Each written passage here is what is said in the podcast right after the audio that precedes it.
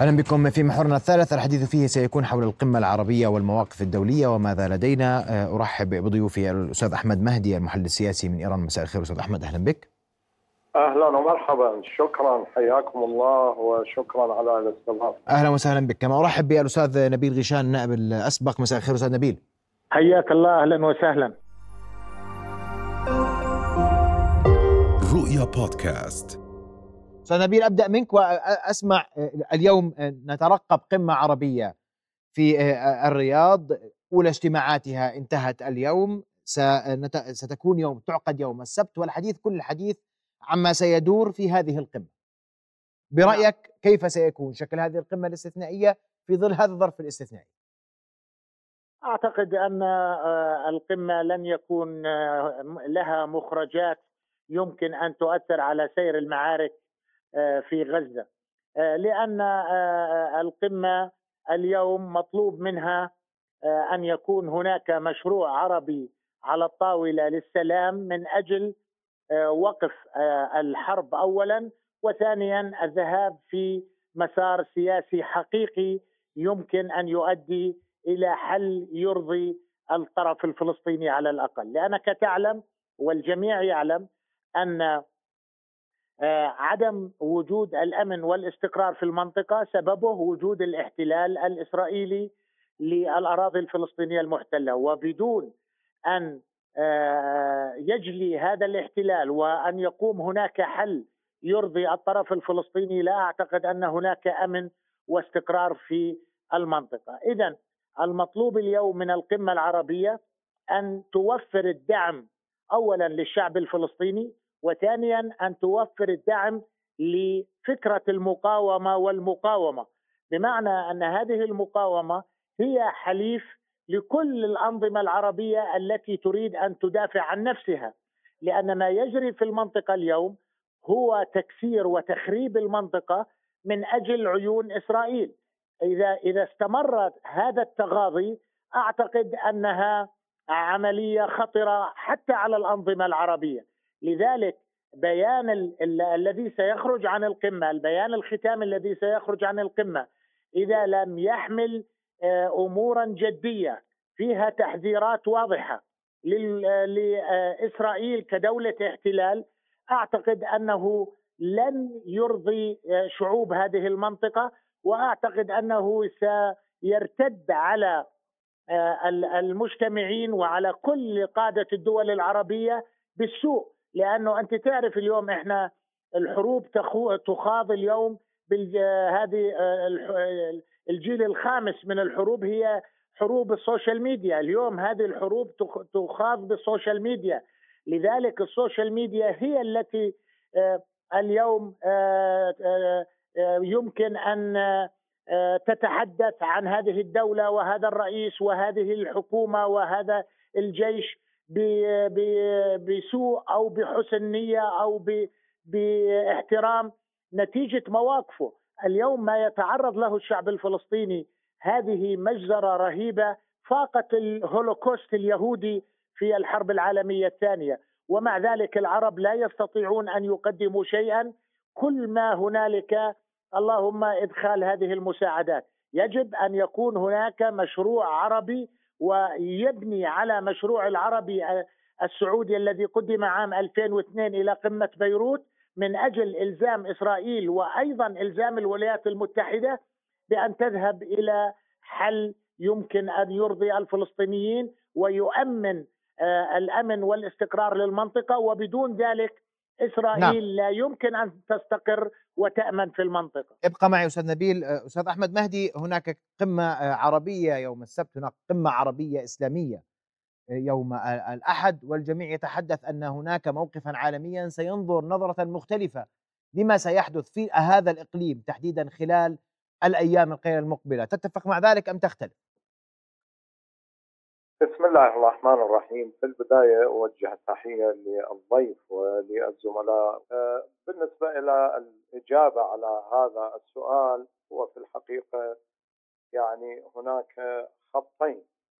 هذين أو هذان الخطان ربما يمكن أن نقول متعاكسان ولا يصبان في اتجاه واحد وهما خط يؤيد المقاومة ويؤيد حمل السلاح من أجل انتزاع الحقوق من الكيان الإسرائيلي المحتل والخط الآخر يؤيد مشاريع السلام والتسوية والحلول السياسية مع العدو الصهيوني. هذان الخطان آه، كلاهما لهما آه، أدلة وآراء وفي الواقع خلفيات وإلى آخره. وما دمنا نشهد معارضة أو تعارضا بين البلدان الإسلامية أقصد بين الحكومات آه، التي في الواقع لم تتفق لحد الآن على أساس ومنهج موحد ومشترك من أجل انتزاع حقوق الشعب الفلسطيني. فاعتقد آه، أنه لا يمكننا التوصل إلى نتائج عبر هذه القمم. وستكون هذه القمة كنظيراتها وكسابقاتها تتمخض عن بيان ختامي يكتفي بوضع اللوم والانتقاد والإدانة والاستنكار وما شابه من هذه الألفاظ على الكيان الصهيوني وداعميه أما الحل الجوهري للمشكلة سيبقى عالقا ما دمنا نحن المسلمين لا نتفق على صيغة موحدة من أجل استعادة واسترجاع هذه الحقوق. ونحن باعتبارنا يعني نستبشر خيرا ونتفائل من باب تفاءلوا بالخير تجدوه. خلافا للخلفيات التاريخية والماضية نقول ربما ربما وهذا احتمال بعيد آه، يتفق قادة ورؤساء وملوك البلدان الإسلامية على صيغة مشتركة.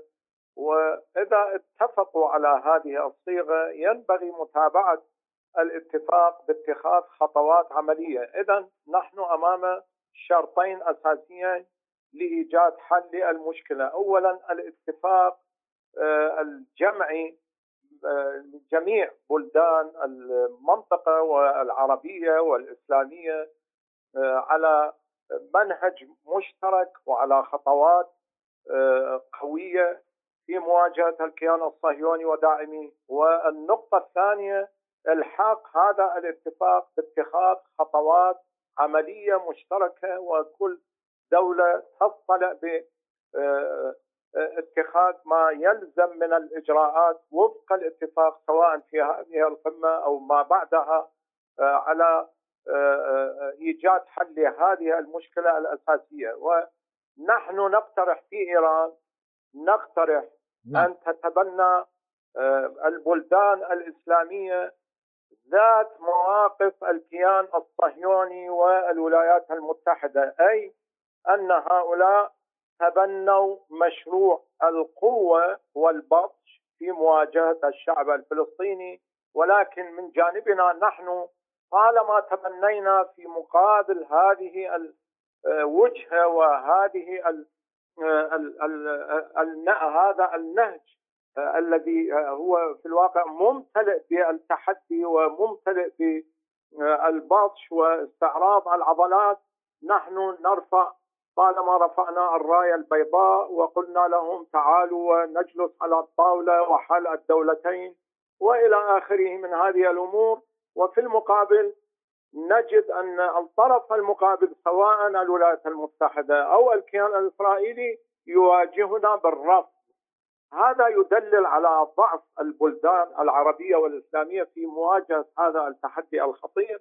لذلك ينبغي التكلم معهم بنفس اللغة ونفس اللهجة التي يتحدثون بها. هذا من جانب.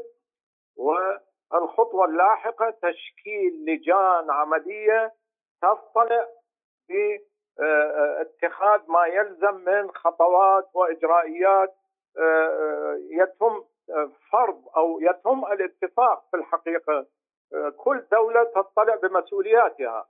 مثلا مثلا من باب المثال نقول المملكة الأردنية الهاشمية التي تمتلك حدود طويلة مع فلسطين المحتلة وهناك قواسم مشتركة ما بين الشعبين.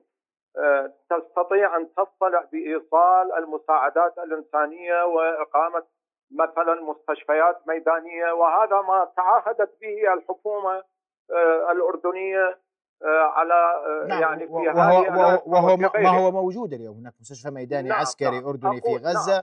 وهناك جسر جوي مع غزة وهناك أيضا كثير من المعونات التي تقدم من قبل الأردن للضفة الغربية تحديدا اليوم. نعم نعم, نعم. نعم هذا الذي أقوله وعلى الشعوب والبلدان الإسلامية الأخرى أو على الحكومة الأردنية أيضا أن تنظر بإيجابية للمساعدات التي تقدمها البلدان الأخرى لأن الأردن سواء الأردن وحتى نقول مصر أو حتى سوريا أو لبنان أو آه، حزب الله والفصائل الفلسطينية هؤلاء يعني وحدهم لا يستطيعون تحمل كل هذه المسؤولية حتى لو افترضنا إيران.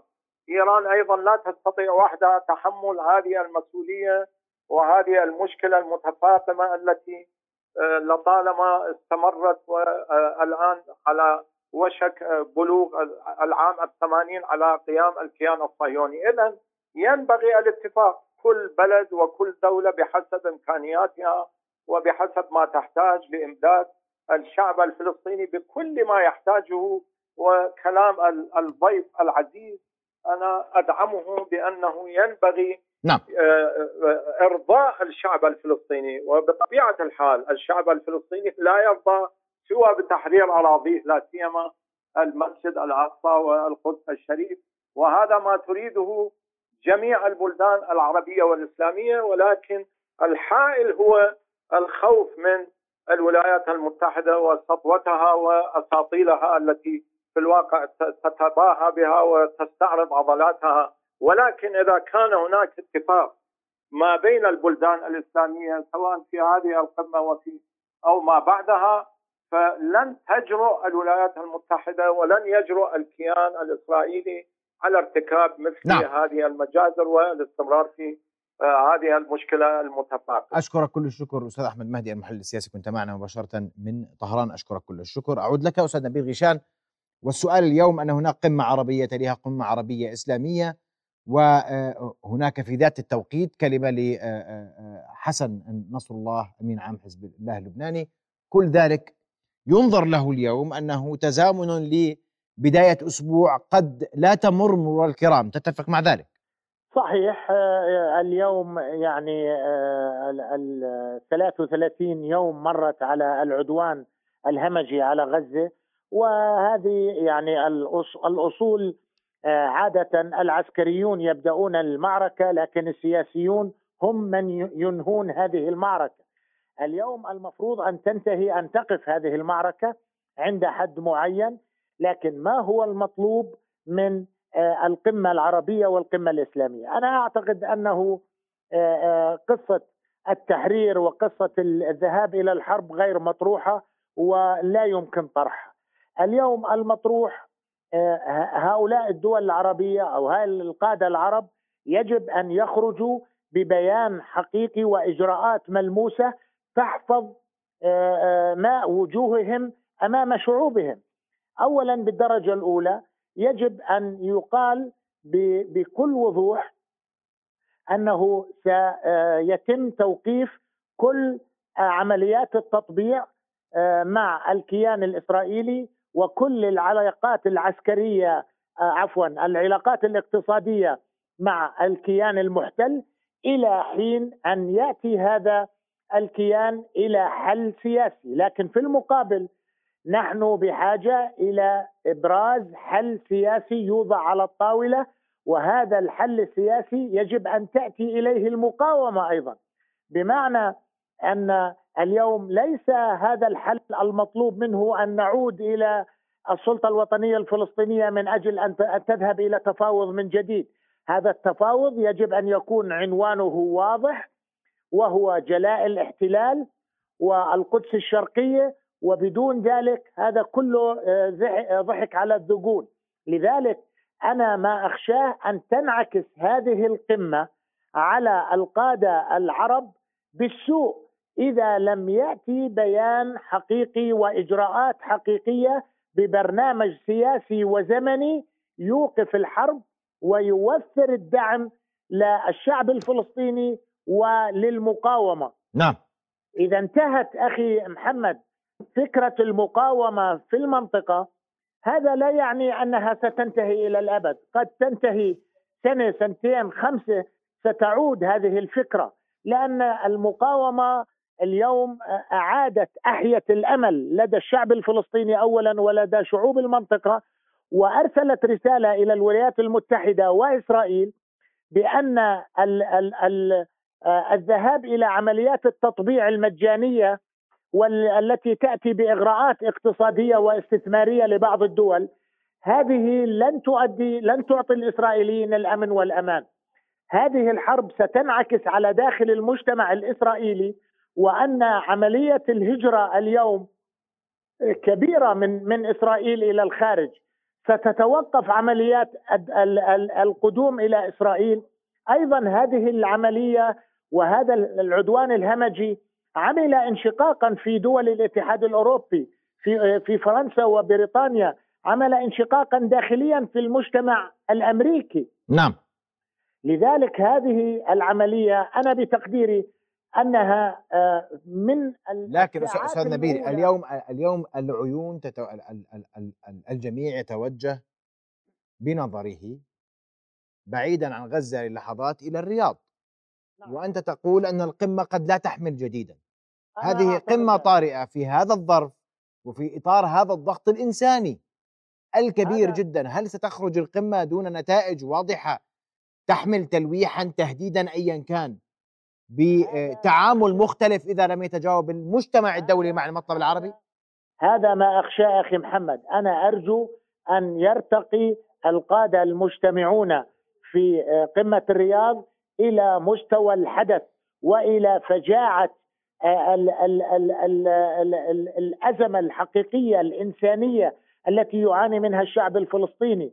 اليوم يعني هناك آه، آه، ردة فعل قوية في المجتمعات العربية. لذلك أنا لا أريد أن يخرج تخرج هذه القمة بنتائج آه، عادية بشجب واستنكار لأن هذا سيعود على الدول العربية من شعوبها لن ترضى الشعوب العربية كل كافة الشعوب العربية إذا لم يكن هناك إجراءات حقيقية على الأقل إيقاف التطبيع في المرحلة الأولى وإيقاف العمليات أو الاستثمار والمشاريع الاقتصادية المشتركة مع دولة الاحتلال لأنها اعتقدت للوهلة الأولى خلال السنة الماضية وهذه السنة إنه هم رايحين على التطبيع وإنه القضية الفلسطينية انتهت وإنه العرب باعوا فلسطين وهذا كلام غير مقبول.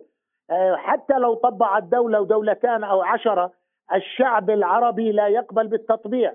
حتى في الأردن نحن ونحن موقعون على اتفاقية سلام من ال 94 يعرفون آه، في إسرائيل أن الشعب الأردني لا يقبل بهذا السلام ما دام هناك احتلال في الضفة الغربية وقطاع غزة وما دامت الدولة الفلسطينية لم تقم وعاصمتها القدس الشرقية. طب أستاذ نبيل هناك حديث بأن القمة ستحمل بندا واضحا يتم الحديث فيه عن تهجير الفلسطينيين.